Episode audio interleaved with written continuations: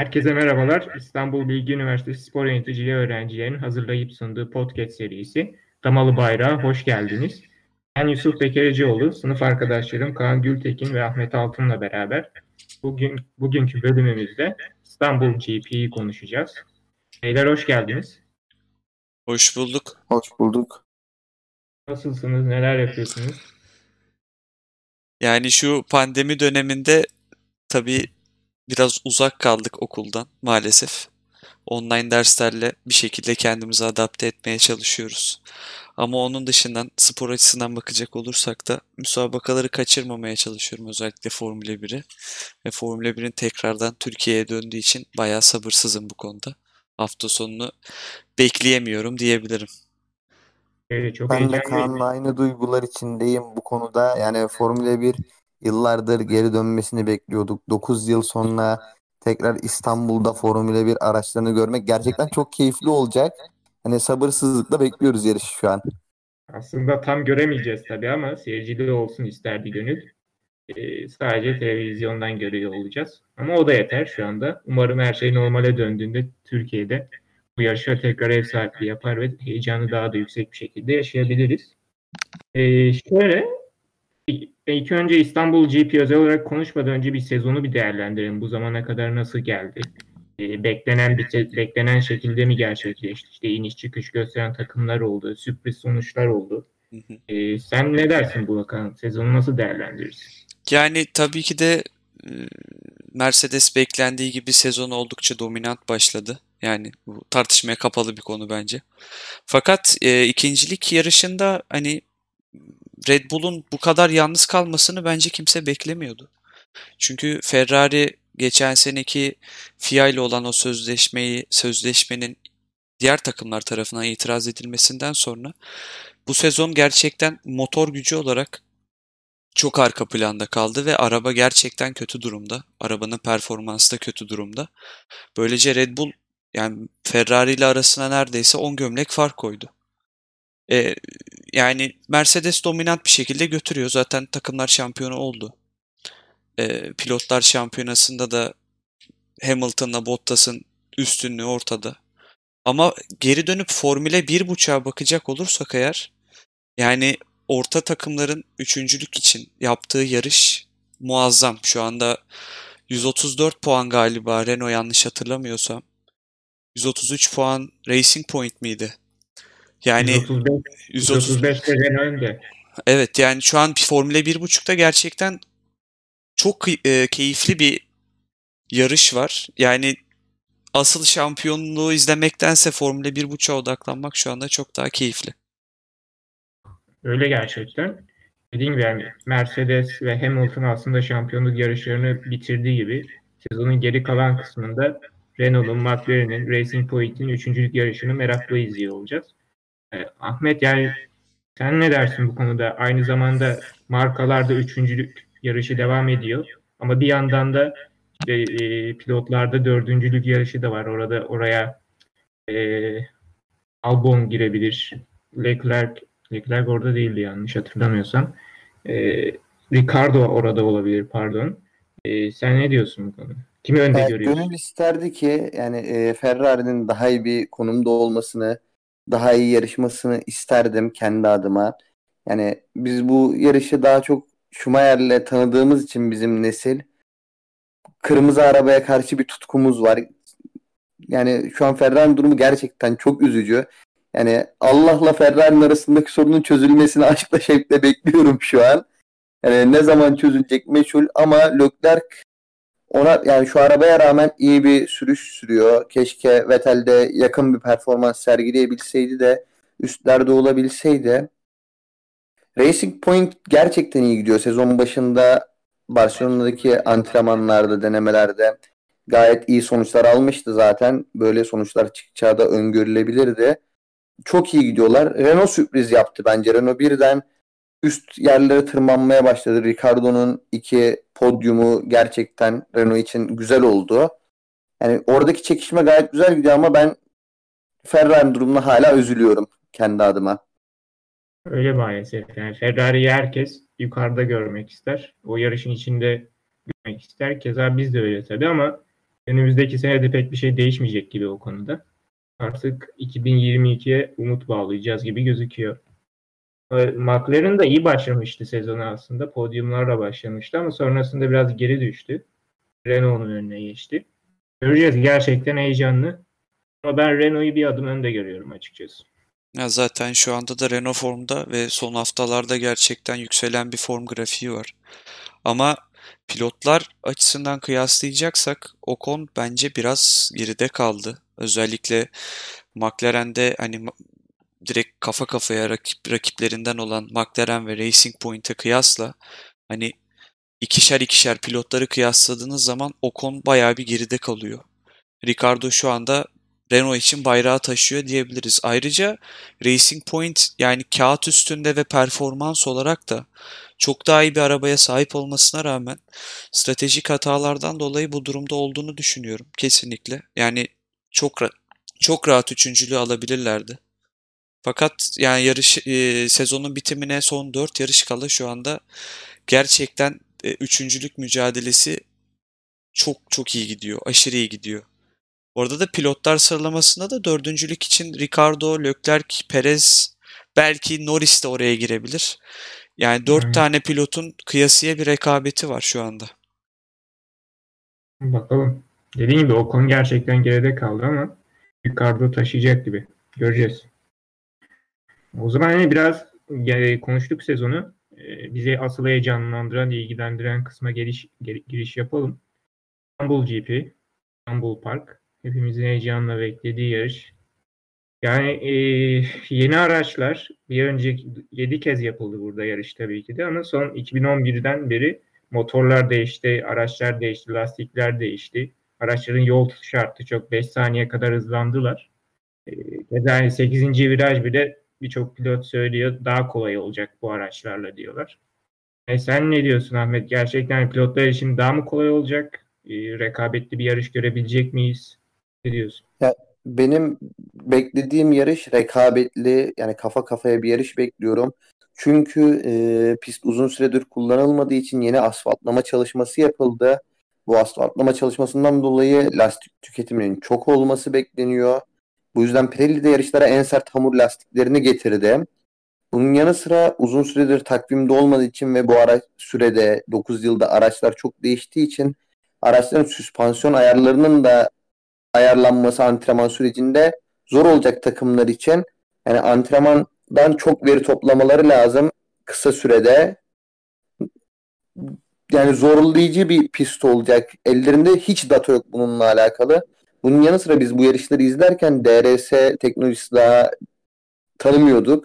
Şu an DRS teknolojisiyle beraber düzlüklerden sonra nasıl bir geçişler olacak düzlükler çünkü geçişler uygun düzlükler bir arka düzlükte olacak DRS bir de start finish'te olacak. Yani ben 12. virajda özellikle kazalar bekliyorum. Yani o büyük Vettel kazasından sonra aman aman Sebastian Vettel'den sonra yeni bir kaza bekliyorum orada özellikle bu sene.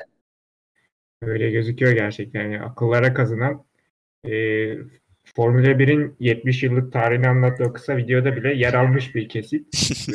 Weber'in e, kaza anı. Gerçekten hani akıllara kazınmış çok çarpıcı bir an.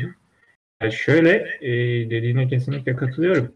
E, zorlayacak ama ben şuna da şöyle bir şey de söyleyeyim açıkçası. Yine Mercedes'in aslında rahat bir yarış geçirebileceğini ve yarışı kazanabileceğini düşünüyorum. Kaan sen ne dersin? Hamilton şampiyonluğunu böyle bir galibiyetle mi e, şey eğer yapar? eğer stratejik yani, stratejik bir hata yaşanmazsa Mercedes'in yarışı kazanacağını düşünüyorum. Ama Hamilton tarafına gelirsek yani yüzde 85 diyeyim ben şimdilik ama büyük ihtimalle kazanacaktır. Büyük bir problem yaşamazsa. Ahmet'in dediğine ekstra bir katkı yapmak istiyorum. Bu hafta hafta sonki antrenman turları gerçekten takımlar için çok belirleyici olacak. Çünkü onun da dediği gibi uzun süredir bu pistte bir data tutulmuyor ve araçlar çok değişti. Arabalar gerçekten neredeyse iki katı kadar büyüdü eski arabalara göre. Antrenman turlarında bir problem yaşayan takım gerçekten geride kalacak. ayrıca Mercedes'e de tekrar değinecek olursak yani e, Hamilton'ın eğer yarışı kazanması durumunda alacağı şampiyonluk ya özellikle Türkiye Grand Prix'sinde kazanacak olması bence bizim için özel bir an olacaktır. Kesinlikle öyle. Yedinci şampiyonlukla Schumacher'i yakalıyor olacak. Aynen öyle. Yani bu gerçekten ülkenin İstanbul'un tanıtımı için çok büyük bir fırsat. Ya Ahmet e, şunu da sormak istiyorum aslında. E, hani kışın kış mevsiminde ilk kez yapıyor olacağız. İstanbul ilk kez ev sahipliği yapıyor olacak. E, yağmur az da olsa bekleniyor. E, ama yağmur olursa nasıl bir değiştirebilir, nasıl değiştirebilir yarışı? Yani sonuçta şöyle bir değiş var. Yağmur olduğunda bir de her şey eşitlenir. Ama gerçekten böyle bir şey görür müyüz? Ya o görüşe katılanlardan birisiyim. Yağmur altında yarış araçların gücünden ziyade daha çok pilotların yeteneğine kalmış bir duruma bürünüyor. Yani yağmur olmasını isterim. Ben bir seyirci olarak yağmur altında yarışlardan daha çok zevk alıyorum. Çünkü daha dramatik şeyler görebiliyoruz. Yani bu dramanın olması seyirciyi cidden çeken bir şey. Özellikle yani uzun yıllar olmamasına çok vurgu yapıyoruz ama bu süreçte Türkiye'de Formula 1'in özellikle son yıllarda popülaritesi arttı. Daha önceden belli bir spor yani motor sporları kültürü olmadığı için seyirci sayısı yıllarca düştü. Şu an bu artış sağlanmışken dramatik yarışların olması daha çok ilgi çekebileceğini düşünüyorum. Yani yağmur yağmasını isteyen taraftayım ben. Ve yağmur yağarsa cidden daha böyle öngörülemeyen şeyleri yaşayabiliriz. Güvenlik aracının piste girmesi bazı şeyleri değiştirebilir. Ama şunu da söylemek istiyorum. Güvenlik aracı konusunda konudan bağımsız olarak Allah bütün şoförlere Hamilton şansı versin. Cidden güvenlik aracı konusunda çok şanslı birisi. Yani burada da bu şansı kullanıp şampiyonluğunu ilan edebilir dramatik bir yarışla. Ya şampiyonluğunu ilan etmesi için dramatik bir yarışa da ihtiyacı yok açıkçası. Yani şu anda Hamilton'ın şampiyonluk ihtimallerini saysak biz sayana kadar şampiyonluğunu ilan edebilir. Kısaca e, Hamilton Bottas anca hızlı turla kazanması gerekiyor. Öyle bir durumu var. Dolayısıyla yani Hamilton şampiyon olacak gibi. Yani şöyle hani olası e, yani dramatik bir yarışıydı ama hani bilmiyorum Vettel'den bir spin görür müyüz yine? 8. virajda kesin var. Yani ben başka bir şey düşünemiyorum. Ha, görmezsek sürpriz olur herhalde ya. Ya Fethel'in durumuna maalesef ben düzülüyorum ama gerçekten bu kadar arka arkaya hata yapması yani tartışmaya yol açıyor artık. Yani bu kadar tecrübeli bir pilotu kimse güvenemiyor artık. Gerçekten şey, üzücü bir durum yani.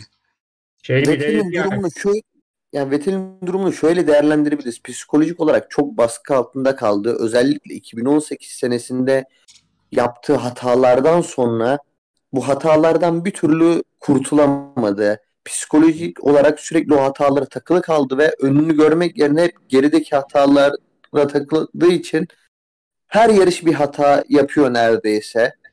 Yani bu çözülecek bir hal değil artık. Bir kör düğüm oldu. Ya bunu kesip atmaktan başka çaresi yok. Üzülerek de söylüyor olsam bunu fakat e, yıllarca bu işi yapmış bir insanın bu kadar hata yapması normal değil artık. Yani bir yerde dur, durması lazım. Öyle ya. E, tamamen Vettel'e de tabii yük, e, yüklememek lazım. Biz burada e, dört kez dünya şampiyonunda sallıyor gibi de gözükmeyelim ama. Yok kesinlikle. Kariyerine çok saygım var ama hani işin psikolojik tarafını yönetmekte zorlandığı aşikar. Öyle. Yani bu süreci yönetmek yarışmak kadar önemli. 2018 Almanya için dönüş bir gerçekten bir kırılma anı oldu. Yani Ferrari'de gerçekten stratejik olarak çok hata yaptı, iyi bir araç veremedi. O önden de bakmak lazım olay. Ee, şöyle o zaman hani yarışı konuştuk genel olarak. Ee, bu hafta sonu ilgilendiren aslında hani gündem olan başka konular da vardı. Ee, birincisi aslında Toto Wolff'un Mercedes'teki geleceği. Ee, e, gerçekten gelecek sene kalacak mı? Başka bir görev istediği aşikar. Sürekli artık bütün yarışlara gitmek istemiyor. Yerine birini eğitmek istiyor kendi tabiriyle. Toto Wolff kalır gibi duruyor bir sene. Siz ne dersiniz Kaan? E, yani yaptığı açıklamada da e, yaptığı bir röportaj vardı sanırsam. Bir sezon daha kalıp fakat e, bu bir sezonda da yanına bir e, çırak alıp onu bir sezonda eğitip işte işleri gösterip ya büyük ihtimalle zaten staff'tan mevcut staff'tan birini alacağı için sıfırdan işi öğrenmeyecek tabii ki de de yanına birini alıp bir sezon boyunca onunla beraber geçirip ondan sonra başka bir rol üstlenmek istediğini belirtmiş e, röportajda. Tabii yani e, bu bir sezondan sonra ben Mercedes'in kesinlikle güç kaybedeceğini düşünüyorum Toto Wolff gittikten sonra. Hatırlarsanız geçen sezon ve bu sezon hatırlamıyorum ama geçen sezon Toto Wolff'un katılmadığı bir iki yarış olmuştu galiba. Amerika Grand Prix'si miydi? Tam hatırlayamadım olmuştu şu anda. Evet yani onda gerçekten Mercedes çok stratejik hata yaptı yarışta. Hatta pit stop'tan dolayı yarışı kaybetmişlerdi. Ya tabii bu Evet. çok ufak bir örnek ama e, genel olarak Toto Wolff'süz bir Mercedes olursa hani şu anki Mercedes kadar dominant olabileceklerini düşünmüyorum ki hele 2022 yılında gelecek regülasyonlarla beraber çok daha farklı bir Formula 1 göreceğiz. Yani bu kadar dominant e, bir menajeri olan, takım patronu olan bir takım olduğunu düşünmüyorum şu anda. E, Çok önemli bir figür gerçekten hem Mercedes için aslında hem de F1 için. E, yani Ahmet aynı zamanda Toto Wolff'un geleceği de hani biraz böyle muallaktayken aynı zamanda Hamilton'ın da geleceği muallak. E, yani kendisi bir kalırım diyor, bir kalmayabilirim diyor. Anlamadık açıkçası ne yapacağını. Emekli olur mu sence yoksa devam mı? Ya ben Hamilton olsam bu sene sonunda emekli olmayı düşünmem. Önümde kırılacak çok rekor varken bunlara yani kırdıkları var. Kıracağı çok yakın olduğu rekorlar varken durması çok manasız geliyor fakat bu kararın arkasında Toto Wolff'un geleceğinin belirsizliği de yatabilir belki de. Yani Hamilton belli bir doygunluğa da ulaştı. Çok yani arka arkaya sürekli şampiyon olduğu için o doygunluğu birden yaşadı. Yani bir bıkkınlık da olmuş olabilir. Çünkü rekabet içine girmiyor. Çok rahat yarışlar yapıyor. Bu rekabetsizlik duygusundan dolayı yorgun hissediyor olabilir. Yani Hamilton'ı görmek isterim. Güzel bir figür Formula 1 için. Güzel bir rol model. Çok iyi tecrübelendi. Başlarda ilk kariyerinin başlarında yaptığı hataları hatırlıyorum. Siz de hatırlıyorsunuzdur. O durumlardan bu durumlara geldiğini görmek güzel görüntüler yani. Umarım bırakmaz. İstemiyorum bırakmasını. O çok kararsız şu an ama yani açıklamaları dediğin gibi bir bırakırım diyor. Bir bırakmak istemiyorum diyor. En son açıklamasında okuduğum bir açıklamasında şampiyonluk bir belli olsun. Sezon bitsin ondan sonra konuşacağız demişti. Yani beklenen heyecanla beklenen bir karar da orada var. Öyle. Yani Gerçekten hazır bundan bahsetmişken bu arada hani boşta yani boş pilot koltuğu olan takımlar belli. Hani Hamilton'ın bu koltuklara oturmak isteyeceğini de ben pek düşünmüyorum. Mercedes dışındaki takımlardan bahsediyorum. Şimdi hesapladığımızda e, Ferrari seneye ikilimiz kim? Sainz ve Leclerc. McLaren'de Ricardo ile Norris. Aston Martin'le Stroll'le beraber Vettel var. E, Renault zaten yani şeyle beraber Alonso ile beraber Ocon var. Red Bull boşta kalıyor ama Red Bull'da gidip yara- yarışacağını asla düşünmüyorum. Üst sıra takımlarından. bahsedecek Zaten ben de öyle düşünüyorum. E, Hamilton ya bırakır ya da Mercedes'te devam eder yani. Ben de aynı fikirdeyim çünkü hani Red Bull ne kadar rekabetçi bir takım olsa da Mercedes seviyesine ulaşması çok zor. 2022 regülasyonlarından sonra belki ama önümüzdeki sezon için o seviyeye ulaşmasının ben de mümkün olduğunu düşünmüyorum. Evet, göreceğiz. Önümüzdeki 2-3 sene Mercedes için kritik olacağı açık gibi gözüküyor.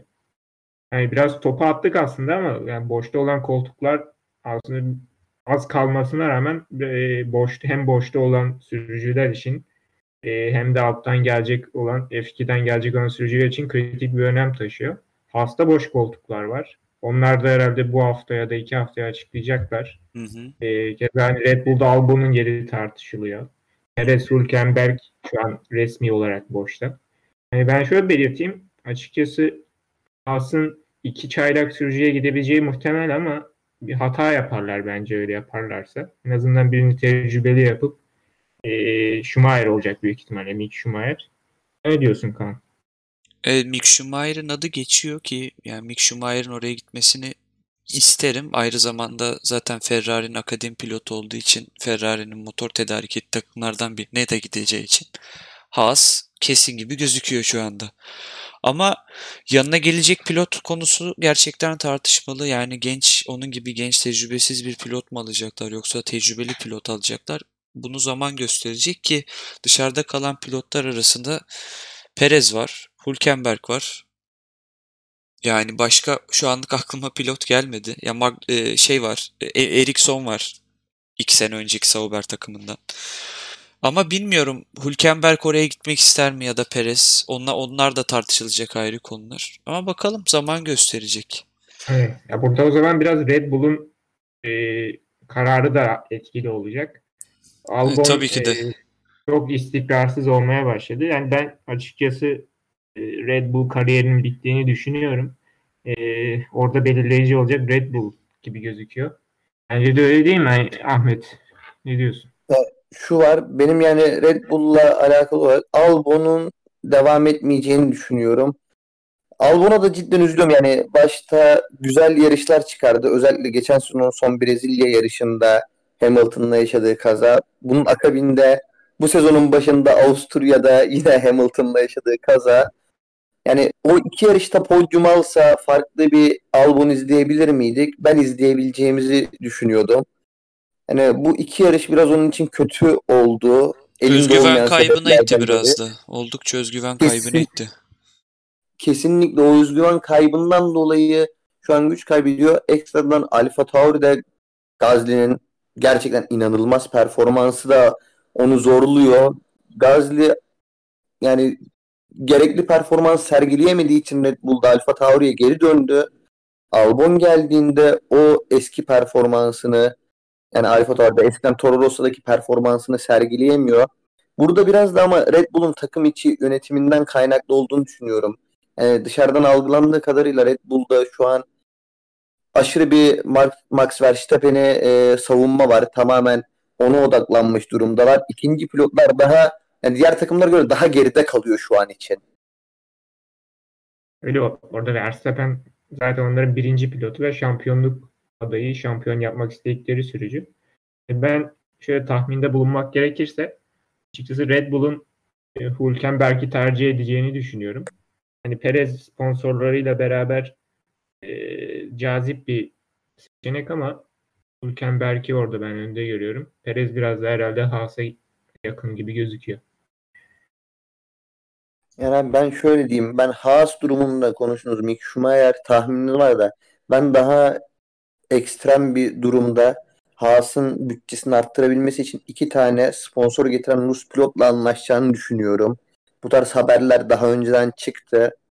Ben hala o kanaatteyim. Mick Schumacher yerine iki tane Rus pilotla anlaşıp oradan farklı sponsorlar getirip takımı güçlendirmeye çalışacaklarını düşünüyorum. Evet, Öyle bir ihtimal- ihtimalimiz daha var. Nedir?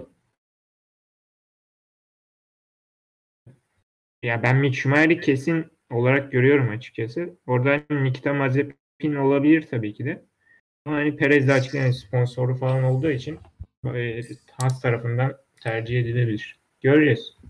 Heyecanla bekliyoruz. Red Bull konusuna şöyle bir ekleme yapmak istiyorum. Dediğiniz gibi Red Bull Verstappen'e tamamen odaklanmış durumda ve bu ikinci pilotu psikolojik olarak zor bir duruma itiyor bence ki ayrıca taktik ve teknik açıdan da Verstappen'e ilgilenildiği kadar ilgilenildiğini de düşünmüyorum. Ya böyle olunca da pil- ik- ikinci pilot olan pilot kendini e, çok farklı konumlandırıyor ve bu pilot için psikolojik olarak zor. Yani bunu mental olarak güçlü ve tecrübeli biri olması lazım ki kaldırabilsin. Genç pilotlar geldiği zaman burada gerçekten Verstappen'in yanında zorluk yaşıyor. Bundan Yani- dolayı da Hülkenberg'in oraya gitmesinin daha ideal olacağını düşünüyorum. Çünkü benzer durumları yaşadı daha önce ki zaten ya Formula 1 tarihinin en uzun süredir yarışıp da podyuma Evet. çıkamayan pilotu. yani daha ne yaşayabilir zaten? O ayrı konu. Ama yani böyle düşünüldüğü zaman Hülkenberg'in Red Bull'da ikinci pilot olması bana daha cazip geliyor. Öyle gözüküyor. Bakalım göreceğiz. Ya Red Bull her zaman bir pilota ağırlık veren bir takım oldu. e, Verstappen Ricardo döneminden e, onu ayrı tutabiliriz. Yani Weber Vettel varken de Vettel'in üzerine odaklanıyorlardı. Ve tabi burada hani bir pilotun başarısı da önemli. Ama göreceğiz bakalım. Evet, şimdi e, geçen günlerde önemli bir gelişme de oldu. Formula 1 ve FIA adına. E, daha doğrusu Formula 1 adına. Takvimi açıkladılar gelecek senenin. 23 yarışlık bir takvim açıkladılar. E, Suudi Arabistan'ı da ekler. Normalde 22 yarıştı biliyorsunuz. Geçen sene açıklanmıştı ama e, ama 23 yarış açıkladılar ama hani Vietnam bir politik nedenden dolayı oradaki önemli e, yarışın önemli bir isminin politik bir nedenden dolayı tutuklanmasından ötürü e, takvimden çıkarıldı. Bunun yerine Türkiye'nin Portekiz'in aday olduğu söyleniyor. Açıkçası yani bizi heyecanlandıran gelişmeler. E, alabilir miyiz sence Ahmet? Ne diyorsun? Ya burada devletin kararı çok önemli. Hükümet, Cumhurbaşkanlığı bu işi getirmek isterse gelmemesi için bir sebep yok bence. Burada yani seyircinin ya da takımların düşüncesinden ziyade tamamen Cumhurbaşkanlığının, devletin kararı önemli. Ben bir F1 sever olarak yani gelmesini çok istiyorum. Ama elimizden bir şey gelmiyor şu an için. Beklemede kalacağız. Bunun yanı sıra ben Vietnam yarışının yanı sıra şunu da eklemek istiyorum oraya. Brezilya ve İspanya yarışları için de bir soru işareti var. Daha anlaşmalar tam olarak şey imzalanmamış. Orada bir dipnot var. Biz bunu 2011'de Türkiye yarışında da yaşamıştık. İlk açıklanan takvimde Türkiye yarışı eklenmişti. 2012 için eklenmişti. Ama sonradan düşmüştü takvimden. Benzer durumlardan birisini bir ihtimal İspanya ya da Brezilya için de görebiliriz. Yani, yani heyecanla bekliyor olacağız. Ben çok yüksek ihtimal olarak görmesem de mutlu bekliyoruz tabii. Ne diyorsun Kaan? Yani şöyle özellikle e, Formula 1 buradayken yeteri kadar seyirci desteği görmedi ya da yeteri kadar ilgiyi görmedi. Fakat bu sosyal medyanın özellikle Netflix'in de etkisi bence çok büyük. Özellikle Drive to Survive'ın ve te- çeşitli Formula 1 belgesellerin etkisi çok büyük bunda. Yeni neslinde bunu takip etmesiyle beraber burada gerçekten büyük bir kitle oluştu. Aynı zamanda bunun akabinde Cem Bölükbaşı da var. Formula 1 e-sporla beraber o da bir ilgi topladı. O da bir kitle oluştu kitle oluşturdu kendi çevresinde. E, onun dışında e, bir daha burada yarışılmasına bakacaksak önümüzdeki sene için e, şöyle bir durum var. Formula 1 takımları sosyal medya etkileşimlerinden aşırı memnun durumda şu anda Türkiye Grand Prix'sinden dolayı. Ama ekonomik konudan bakacaksak devletin yani bilmiyorum burası gerçekten soru işareti. Ekonomik olarak bunu verebilir miyiz, veremez miyiz? O konu tartışmalı. Ama takımların e, aldığı sosyal medya etkisi gerçekten şu anda büyük bir etki oynayabilir. Hani şöyle bir soru sorsalar, kulüp yöneticileri belirlese sadece e, Ferrari'ye sorsalar, Mercedes'e sorsalar, Haas'a sorsalar, Red Bull'a sorsalar büyük ihtimalle Türkiye'yi seçeceklerdir. Kesinlikle öyle. Ben de düşünüyorum. Yani bu sene birçok yeni ta- yeni yarış eklendi takvime. Ama e, yani takımlar İstanbul için çok ayrı tanıtım işte kampanya filmleri çektiler. Sürekli sosyal medyadan paylaşımlarda bulundular. Yani dediğin üzere kesinlikle yani onlar da istiyor. Yani zaten anlayamamışlardı. Neden anlam verememişlerdi neden çıktığına İstanbul tak, İstanbul'un takvimde. Umarım olur biz de izleriz. Ama dediğim gibi devletin burada göstereceği idare, irade çok önemli olacak. Keza şu anda katılım bedeli olarak 30 milyon dolarlardan falan başlıyor. Birçok ülkede aday e, takvime girmek için mücadele veriyor. Kolay olmayacak ama umarım olur tabii ki de. Ve ayrıca pistimiz gerçekten çok güzel. Yani seyir zevki yüksek olan bir pist gerçekten. Hani bazı pistler var. E, izlerken gerçekten insanın uykusu geliyor ama gerçekten İstanbul Park çok güzel bir pist.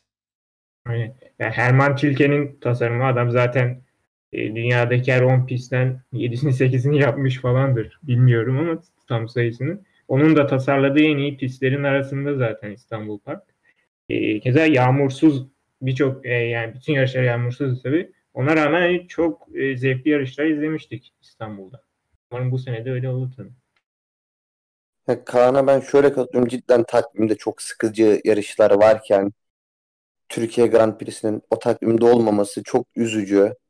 Yani çok sıkıcı yarışlar izliyoruz. Yani burada pist hatlarını, ülke yarış hatlarını saymaya gerek var mı bilmiyorum.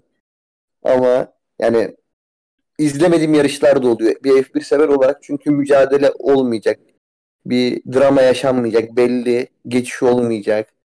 İzleme gereği ve hevesi kırılıyor insanın ister istemez. Bu ön, yani öngörülemez yarışlar olması daha güzel oluyor seyirci açısından. Bir de yani şöyle bir şey var. Kaan yine bahsetti. Sosyal medya etkileşiminden memnun takımlar. Bunun sebebi dediğim gibi yani 2011 dönemlerinde Türkiye'de bu yarışların organize edildiği zamanlarda bu spor motorları kültürü pek yerleşik değildi. Sosyal medya etkisiyle ve yayınların daha iyi olmasıyla farklı nedenlerden dolayı motor sporları kültürü bir nebze daha yayıldı, gelişmiş durumda. Yani seyirci çeker. Türkiye Grand Prix'si ön, yani sondan doğru seyirci gelmiyordu neredeyse. Yayıncı kuruluşlar kameraların yerlerini çok farklı yerlere yerleştiriyordu boş tribünleri göstermemek için. Biraz da fırsat oldu pandemiden dolayı yani zaten boş tribünler olacağı için böyle bir derde girilmedi ama buradaki önemli detay tamamen şey yani seyircilerin nasıl isteyeceği yarışı nasıl değerlendireceği. Yani ya dediğini şöyle bir ekleme yaparak az, biraz da kapatabiliriz aslında. Ee, yani FIA son 5 yılı kapsayan bir araştırma yapmış. Ee, dünyada Formula 1'e motor sporlarına özel Formula 1 özelinde artan ilgiyi araştırmışlar ve en çok artış gösteren 6 ülkeden biri de Türkiye'ymiş. Bu bir de aslında gösteriyor birçok şeyi. Peki Yani o zaman Red Bull'un etkisi de var. Red Bull'un iki takımının olması, Türkiye'de aktif olarak sporcuların da olması farklı branşlarda da olsa sosyal medyadan tanıtımını iyi yapıyorlar. Yani Red Bull bu konuda cidden başarılı. öyle. Umarım güzel bir yarış olur Ee, ve önümüzdeki seneler içinde bir referans olur ve biz de uzun seneler daha görürüz İstanbul Parkı. İnşallah. Peki abi beyler çok teşekkürler. Biz teşekkür ederiz. Biz teşekkür ederiz. Umarım Yusuf. keyifli bir kayıt olmuştur dinleyenler için de. Umarım. Umarım. Ee, önümüzdeki yarış ya bir yarış öncesi e, bir profil çizdik. E, yarıştan sonra da bir bölümümüz daha olacak. Bizi dinlediğiniz için çok teşekkür ederiz. Önümüzdeki bölümlerde görüşmek üzere. Görüşmek üzere. Görüşmek üzere.